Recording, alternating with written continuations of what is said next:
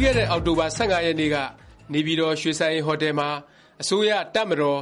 ၊ NCA လက်မှတ်ထိုးထားတဲ့ လက်နက်ကိုင် တိုင်းရင်းသား အဖွဲ့တွေရဲ့ ထိပ်သီး အစည်းအဝေး တစ်ခု ပြုလုပ်ခဲ့ပါတယ်။ NCA စာချုပ်ထဲမှာ လက်နက်ကိုင် တိုင်းရင်းသား အဖွဲ့အစည်း အားလုံး မပါဝင်နိုင်သေးတဲ့ ကိစ္စ၊ငြိမ်းချမ်းရေး ဆွေးနွေးပွဲတွေမှာ ရှေ့ဆက် မတိုးနိုင်အောင် ပိတ်ဆို့သလို ဖြစ်နေတဲ့ ကိစ္စတွေကို ဖြေရှင်းနိုင်အောင် NCA ထိုးထားတဲ့ အဖွဲ့တွေ တိုက်တွန်း တောင်းဆိုရာကနေ ပေါ်ပေါက်လာတဲ့ အစည်းအဝေးကြီး ဖြစ်ပါတယ်။ဒီအစည်းအဝေးကြီးမှာ ဘက်သုံးဖက်လုံးက တကယ် အဆုံးအဖြတ်ပေးနိုင်တဲ့ ထိပ်သီးခေါင်းဆောင်တွေ စုံစုံညီညီ တက်ရောက်ကြမှာမို့ ပိတ်ဆို့နေတဲ့ ပြသနာကြီးတွေကို မူအားဖြင့် ပြေလည်အောင် ဖြေရှင်းပေးနိုင်လိမ့်မယ်လို့ အများက ယုံကြည် မျှော်လင့်ခဲ့ကြပါတယ်။တကယ်ပဲ ဒီထိပ်သီး အစည်းဝေးပွဲကြီးဟာ အများက မျှော်လင့်ထားသလို အောင်မြင်မှု တစ်စုံတစ်ရာ ရတဲ့ ဆွေးနွေးပွဲကြီး ဖြစ်ခဲ့ပါရဲ့လား ဆိုတာ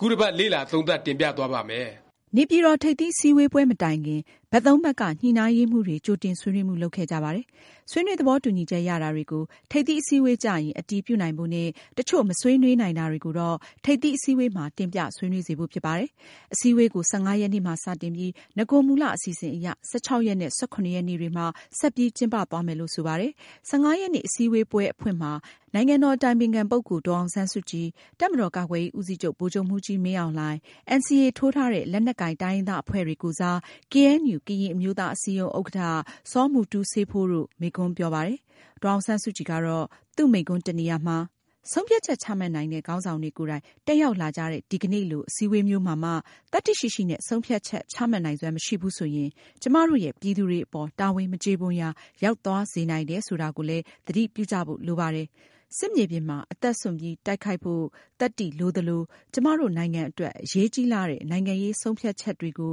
ချမှတ်ရာမှာ စိတ်ရင်းစေတနာမှန်နဲ့ ဆုံးဖြတ်နိုင်ဖို့လည်း သတ္တိလိုအပ်ပါတယ်။”ဆိုပြီး ဖြစ်ပါတယ်။တပ်ချုပ်အပါအဝင် ထိပ်သီးခေါင်းဆောင်တွေ သတ္တိရှိရှိ ဆုံးဖြတ်ချက်ချကြဖို့နှိုးဆော်တာပါ။ ဗိုလ်ချုပ်မှူးကြီး မင်းအောင်လှိုင် မိန့်ခွန်းကတော့ အတော်ရှည်လျားပါတယ်။တပ်မတော် သမိုင်းကြောင်း၊ဖွဲ့စည်းပုံ အခြေခံ ဥပဒေအပေါ် ရပ်တည်မှု စတဲ့ ခါတိုင်း သူပြောနေကျ စကားတွေလောက်ကတော့ ဘာမှ ပြသနာ မရှိပါဘူး။ပြသနာရှိတာကတော့ NCA လက်မှတ်ထိုးထားတဲ့ ငြိမ်းချမ်းရေး ဆွေးနွေးဖက်လည်းဖြစ်တဲ့ RCSS/SSA အဖွဲ့ကို တိုက်ရိုက် နာမည်တပ် ရည်ညွှန်းပြီး တိုင်းသိပြည်သိ ပြစ်တင်ရှုတ်ချတဲ့စကား ပြောတာကတော့ ဆွေးနွေးပွဲကို အခက်အခဲ တွေ့စေပါတယ်။တပ်ချုပ်က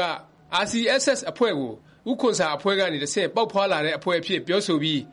NCA စာချုပ်ကို သဘောတူ လက်မှတ်ရေးထိုးထားပြီး နိုင်ငံရေး၊လက်နက်အင်အား၊လူအင်အား တည်ဆောက်မှု၊သတ်မှတ်ပေးထားတဲ့ နယ်မြေထက် အဆများစွာ ကျော်လွန်ပြီး နယ်မြေတည်ဆောက်မှုတွေ ပြုလုပ်နေလို့ အခြား တိုင်းရင်းသား လက်နက်ကိုင် အဖွဲ့တွေနဲ့ ပဋိပက္ခများ ဖြစ်ပွားလျက်ရှိတာကို တွေ့ရပါတယ်။ NCA ကိုတစ်လွဲ အသုံးမချဖို့ ပြောလိုပါတယ်။ တစ်လွဲအသုံးချရင် တိုင်းရင်းသား ပြည်သူလူထုရဲ့ အသက်အိုးအိမ် စည်းစိမ်ကို အကာအကွယ်ပေးဖို့ တာဝန်ရှိတဲ့ တပ်မတော်အနေနဲ့ လက်ပိုက်ကြည့်နေနိုင်မှာ မဟုတ်ကြောင်း အသိပေးလိုပါတယ် ဆိုသည်အထိ ပြောဆိုခဲ့ပါတယ်။တပ်ချုပ်ရဲ့ ပြောစကားဟာ အခြား တစ်နေရာမှာဆို ပြသနာ မရှိပေမယ့် ခုလို ထိပ်သီးခေါင်းဆောင်တွေ စုံညီတက်၊တစ်တိုင်းပြည်လုံးကလည်း စောင့်ကြည့်နေကြတဲ့ အချိန်မျိုးမှာ အခြားတစ်ဖက်မှာလည်း ဒီအဖွဲ့တွေ အချင်းချင်း၊ခေါင်းဆောင်တွေ အချင်းချင်း ယုံကြည်မှုရှိရှိ၊ရင်းနှီးမှုရှိရှိ အပေးအယူ အညှိအနှိုင်း လုပ်ရမယ့် ပွဲမျိုးမှာ ပြောတာ ဖြစ်လေတော့ ဆွေးနွေးပွဲကို အနှုတ်လက္ခဏာပဲ သက်ရောက်စေပါတယ်။ဆွေးနွေးပွဲမှာ တပ်မတော်ဘက်က တောင်းဆိုချက်ကြောင့် ဒေါ်အောင်ဆန်းစုကြည်၊ဗိုလ်ချုပ်မှူးကြီး မင်းအောင်လှိုင်နဲ့ ကေအဲန်ယူဥက္ကဌ စောမူတူးစေးဖိုးသုံးယောက်ထဲပါတဲ့ သီးသန့်ဆွေးနွေးပွဲ တစ်ခုတော့ လုပ်နိုင်ခဲ့ပါတယ်။ဒါကလည်း တစ်ယောက်ရဲ့ စိုးရိမ်ပူပန်မှုကို အခြားတစ်ယောက်က သိအောင် ပွင့်ပွင့်လင်းလင်း ပြောဆိုတာလောက်ပါပဲ ဆိုပြီး ပဒိုစောကွယ်ထူးဝင်းက နောက်ပိုင်း ပြန်ပြောပြပါတယ်။၁၅ ရက်နေ့ မနက်ပိုင်း မိန့်ခွန်းတွေပြော၊သုံးပွင့်ဆိုင် ဆွေးနွေးပွဲ တစ်ခုလုပ်ပြီး ညနေပိုင်း တကယ့် အစည်းအဝေး စတင်တဲ့အချိန် တပ်မတော်ဘက်က ဗိုလ်ချုပ်မှူးကြီး မင်းအောင်လှိုင်ရော၊ဒုတပ်ချုပ် ဒုဗိုလ်ချုပ်မှူးကြီး စိုးဝင်းပါ မတက်ပါဘူး။အလားတူ RCSS/SSA ခေါင်းဆောင် ဗိုလ်ချုပ်ကြီး ရွက်ဆစ်လည်း မတက်ပါဘူး။ ပြောရရင် အဲဒီအချိန်ကစ စည်းဝေးပွဲဟာ အများမျှော်လင့်ထားသလို အဆုံးအဖြတ်ပေးနိုင်သူတွေရဲ့ ထိပ်သီးစည်းဝေးပွဲ မဆန်တော့ပါဘူး။နောက်နေ့ ၁၆ ရက်နေ့ အစည်းအဝေး ဆက်လုပ်တော့ ဗိုလ်ချုပ်မှူးကြီး မင်းအောင်လှိုင်ကလွဲပြီး ကျန်ထိပ်သီးတွေအားလုံး တက်ပါတယ်။ဒုတပ်ချုပ် ဒုဗိုလ်ချုပ်မှူးကြီးစိုးဝင်း တက်ပါတယ်။ဗိုလ်ချုပ်မှူးကြီး မင်းအောင်လှိုင်ကတော့ နှစ်စဉ်ကျင်းပနေကျ အင်းလေး ဖေါင်တော်ဦး ဘုရားပွဲ သွားတက်တာ တွေ့ကြရပါတယ်။အစည်းအဝေးကိုလည်း နဂိုက အနည်းဆုံး ၁၆ နဲ့ ၁၇ နှစ်ရက် ဆက်လုပ်မယ်လို့ မှန်းထားကြပေမယ့် အဲဒီနေ့မှာပဲ အဆုံးသတ်လိုက်ကြပါတယ်။ဆွေးနွေးပွဲအပြီး သတင်းစာရှင်းလင်းပွဲမှာ ဆွေးနွေးပွဲအောင်မြင်တယ်၊ရှေ့ကို ဆက်သွားကြမယ် စတဲ့ ကောင်းမွန်တဲ့ စကားတွေ ပြောကြပေမယ့် တကယ်လေ့လာကြည့်တဲ့အခါ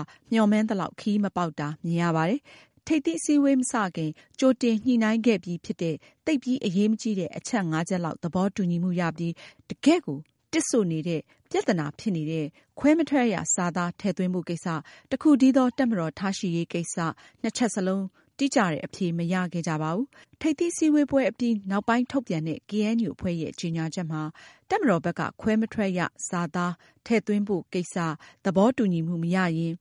ကိုယ်ပိုင်ပြဌာန်းခွင့်ဆိုင်ရာ၊ကိုယ်ပိုင်အုပ်ချုပ်ရေးဆိုင်ရာ အချက်အလက်တွေကို မဆွေးနွေးဘူး ဆိုတဲ့ Package သဘောထားတဲ့နည်းတူ၊ သူတို့အနေနဲ့လည်း တပ်မတော်တစ်ခုတည်း ထားရှိရေး ဆိုတာကိုလည်း NCA တွင် ဖော်ပြထားသည့် တိုင်းရင်းသား လူမျိုးပေါင်းစုံ ပါဝင်သော ပြည်ထောင်စု တပ်မတော်ဆိုင်ရာ ကိစ္စတို့ကို တစ်ပေါင်းတည်း ဆက်လက် ဆွေးနွေးသွားမည် ဖြစ်သည် ဆိုပြီး Package သဘော ကိုင်စွဲလာတာ တွေ့ကြရပါတယ်။ထိပ်သီးဆွေးနွေးပွဲ ရလာဒ် အားလုံးကို ခြုံကြည့်လိုက်ရင် တကယ့် ထိပ်သီးဆွေးနွေးပွဲ ပီပီပြင်ပြင် မဖြစ်မြောက်ခဲ့ပါဘူး။ဒီလို ထိပ်သီးအစည်းဝေးပွဲ ပီပီပြင်ပြင် မဖြစ်ခဲ့တဲ့ နောက်ဆက်တွဲ အနေနဲ့ တကယ့် အရေးကြီးတဲ့ ပိတ်ဆို့နေတဲ့ ပြသနာတွေကိုလည်း မူအားဖြင့်တောင် ညှိနှိုင်းလို့ မရနိုင်ခဲ့ပါဘူး။ဆက်ပြီး ဆွေးနွေးကြမယ် ဆိုတဲ့ သဘောတူညီချက်လောက်ကိုပဲ အောင်မြင်မှုလို့ မှတ်ယူမယ် ဆိုမှသာ အောင်မြင်မှုရတယ်လို့ ပြောနိုင်မှာ ဖြစ်ပါကြောင်း တင်ပြလိုက်ရပါတယ်